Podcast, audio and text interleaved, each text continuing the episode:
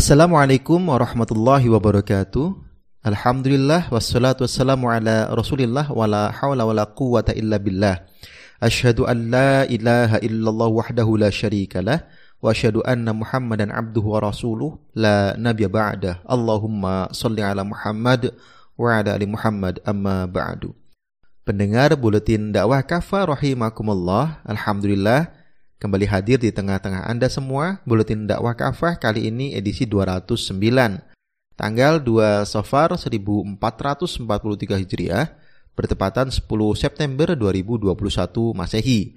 Kali ini akan mengangkat tema berharap keadilan hanya pada syariah Islam. Bismillahirrahmanirrahim. Telah lama keadilan absen di negeri ini. Dari hari ke hari, yang ada dan makin nyata adalah wajah ketidakadilan alias kezaliman. Jelas, hukum dan peradilan di negeri ini makin diskriminatif, makin jauh dari rasa keadilan. Para koruptor misalnya yang kebetulan adalah para pejabat atau mereka yang dekat dengan kekuasaan kerap dihukum amat ringan. Sudah begitu, masih dapat diskon masa tahanan. Bahkan dalam kasus korupsi bantuan sosial triliunan rupiah yang merugikan jutaan rakyat. Pelaku dihukum amat ringan. Sebaliknya, dalam kasus pencurian yang dilakukan rakyat biasa, itu pun pelakunya kadang terpaksa mencuri karena terdesak keadaan, hukumannya bisa cukup memberatkan. Demikian pula dalam kasus lain, misalnya pelanggaran protokol kesehatan selama masa pandemi COVID-19 ini. Makin nyata adanya ketidakadilan. Di antara sekian banyak pelanggaran protokol kesehatan oleh presiden, pejabat negara, dan orang-orang yang dekat dengan kekuasaan, pelakunya tak ada yang dihukum berat, bahkan banyak yang bebas. Tidak dikenai sanksi sama sekali. Sebaliknya, pelanggaran protokol kesehatan oleh Habib Rizik Sihab yang padahal beliau sudah membayar denda tetap diberlakukan hukuman berat. Beliau tetap dipenjarakan. Dalam kasus lainnya tak jauh beda. Berkali-kali para buzzer seperti Denny Sergar, Abu Janda, Ade Armado, dan lain-lain yang diduga amat dekat dengan kekuasaan melakukan penistaan agama. Namun, sampai detik ini mereka tetap bebas berkeliaran. Tentu bebas pula mereka untuk terus melakukan ujaran-ujaran yang menimbulkan keonaran dan kemarahan publik. Mereka tak pernah sekalipun diseret ke meja hijau. Padahal sudah banyak pengaduan masyarakat terhadap mereka baik melalui jalur resmi atau jalur hukum maupun lewat keluh kesah masyarakat di media sosial. Sebaliknya, para tokoh agama Islam yang dituduh melakukan pencemaran nama baik begitu mudahnya diproses secara hukum dan dipenjarakan. Misalnya saja Maher At-Tuwailibi almarhum dan Gus Nur yang baru dibebaskan, termasuk yang terakhir Yahya Waloni yang dituding melakukan penistaan agama Kristen. Tentu masih banyak bukti betapa hukum dan peradilan di negeri ini amat diskriminatif, benar-benar tidak adil, bahkan terasa amat zalim, terutama tentu terhadap pihak-pihak yang berseberangan dengan kekuasaan. Sebaliknya, bagi penguasa dan pihak-pihak yang pro penguasa, hukum dan peradilan begitu memanjakan mereka. Pendengar rahimakumullah. Produk cacat demokrasi Mengapa ketidakadilan dan kezaliman begitu nyata di negeri ini? Setidaknya ada dua faktor penyebabnya. Yang pertama, sistem hukum dan peradilan di negeri ini sangat dipengaruhi dan dilandasi oleh sistem hukum dan peradilan barat yang sekuler. Sekulerisme barat melahirkan sistem demokrasi yang memberikan kebebasan kepada manusia untuk menetapkan hukum tanpa terikat oleh ajaran agama. Dengan demikian, Sistem hukum dan peradilan di negeri ini nyata mencampakkan hukum dari zat yang maha adil Allah subhanahu wa ta'ala. Karena itu dapat dipastikan produk hukum yang dibuat pasti tidak sempurna dan memiliki banyak kelemahan. Di sisi lain, manusia memiliki interest atau kepentingan baik pribadi maupun kelompok. Atas dasar ini, wajar jika hukum yang dihasilkan oleh rekayasa pemikiran manusia semata akan menghasilkan ketidakadilan. Hukum sangat berpihak kepada siapa yang berkuasa dengan berbagai kepentingannya. Persamaan di depan hukum menjadi tidak ada. Sebabnya, sejak awal hukum memang tidak diperuntukkan bagi semua. Inilah cacat hukum produk demokrasi. Yang kedua, bobroknya mental sebagian aparat penegak hukum, entah polisi, jaksa, atau hakim. Pasalnya, dalam sistem yang jauh dari tuntutan agama Islam, siapa pun, termasuk para aparat penegak hukum, begitu mudah tergiur oleh uang, jabatan, perempuan, dan godaan duniawi lainnya. Akhirnya, mereka banyak yang terlibat jual beli perkara. Keadilan pun tak bisa lagi diharapkan. Pendengar rahimakumullah. Berharap keadilan hanya pada syariah Islam. Setiap orang yang mendambakan keadilan sudah sepantasnya berharap dan bertumpu hanya pada syariah Islam.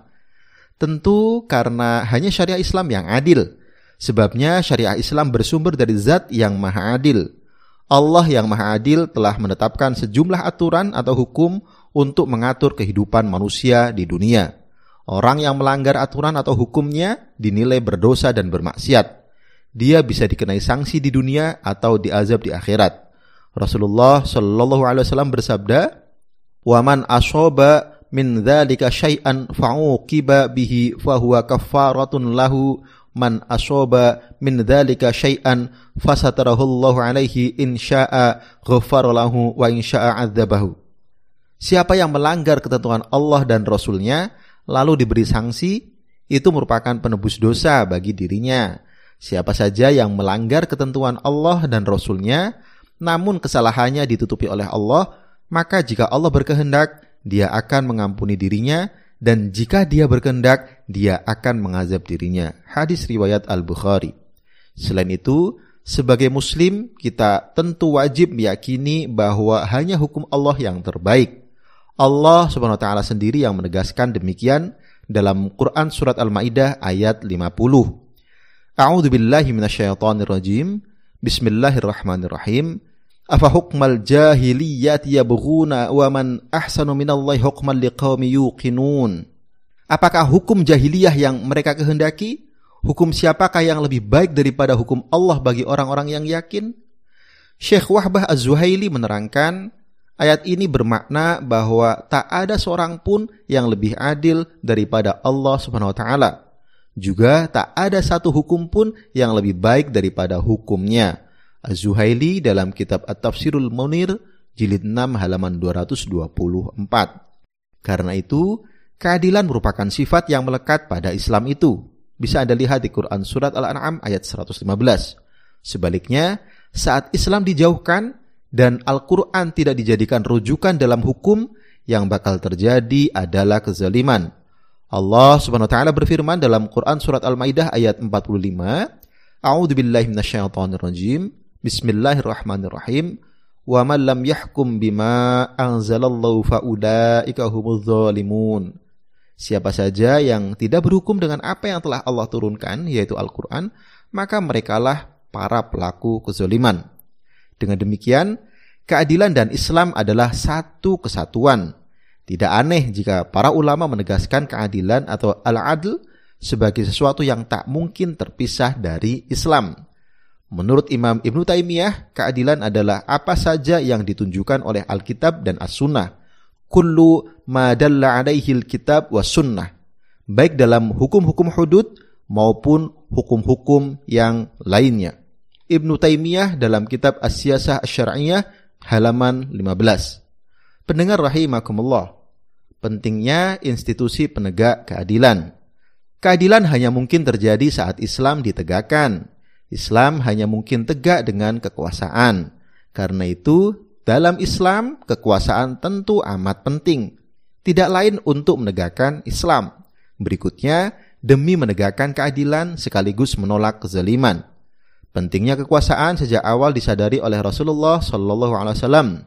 Inilah yang diisyaratkan oleh Allah taala melalui firman-Nya dalam Quran surat Al-Isra ayat 80. A'udzu billahi minasyaitonir rajim. Bismillahirrahmanirrahim.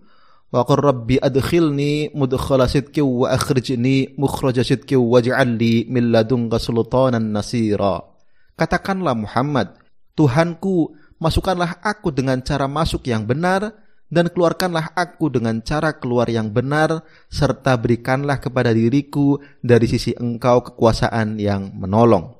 Imam Ibnu Kasir saat menjelaskan frase Waj'alli min ladunka sultanan nasira dalam ayat di atas dengan mengutip Qatadah menyatakan dalam ayat ini jelas Rasulullah Shallallahu alaihi wasallam menyadari bahwa tidak ada kemampuan bagi beliau untuk menegakkan agama ini kecuali dengan kekuasaan. Karena itulah beliau memohon kepada Allah kekuasaan yang bisa menolong, yakni untuk menerapkan kitabullah, memberlakukan hudud Allah, melaksanakan ragam kewajiban dari Allah, dan menegakkan agama Allah. Ibnu Kasir dalam kitab Tafsir Al-Quranul Azim jilid 5 halaman 111.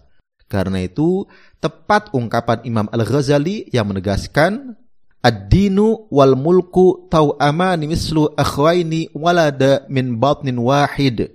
Agama dan kekuasaan itu ibarat dua saudara kembar. Seperti dua saudara yang lahir dari satu perut yang sama.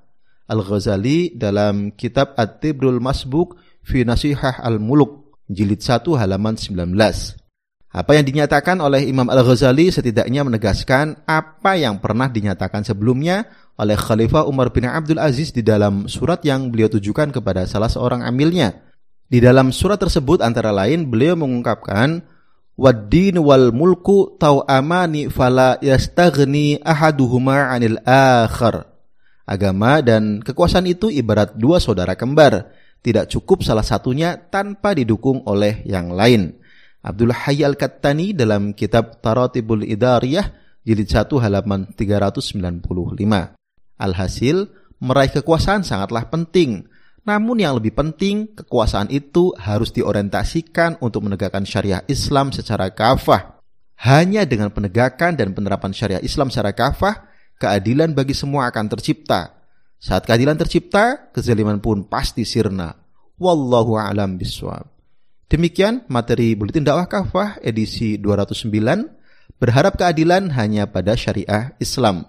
Terima kasih. Assalamualaikum warahmatullahi wabarakatuh.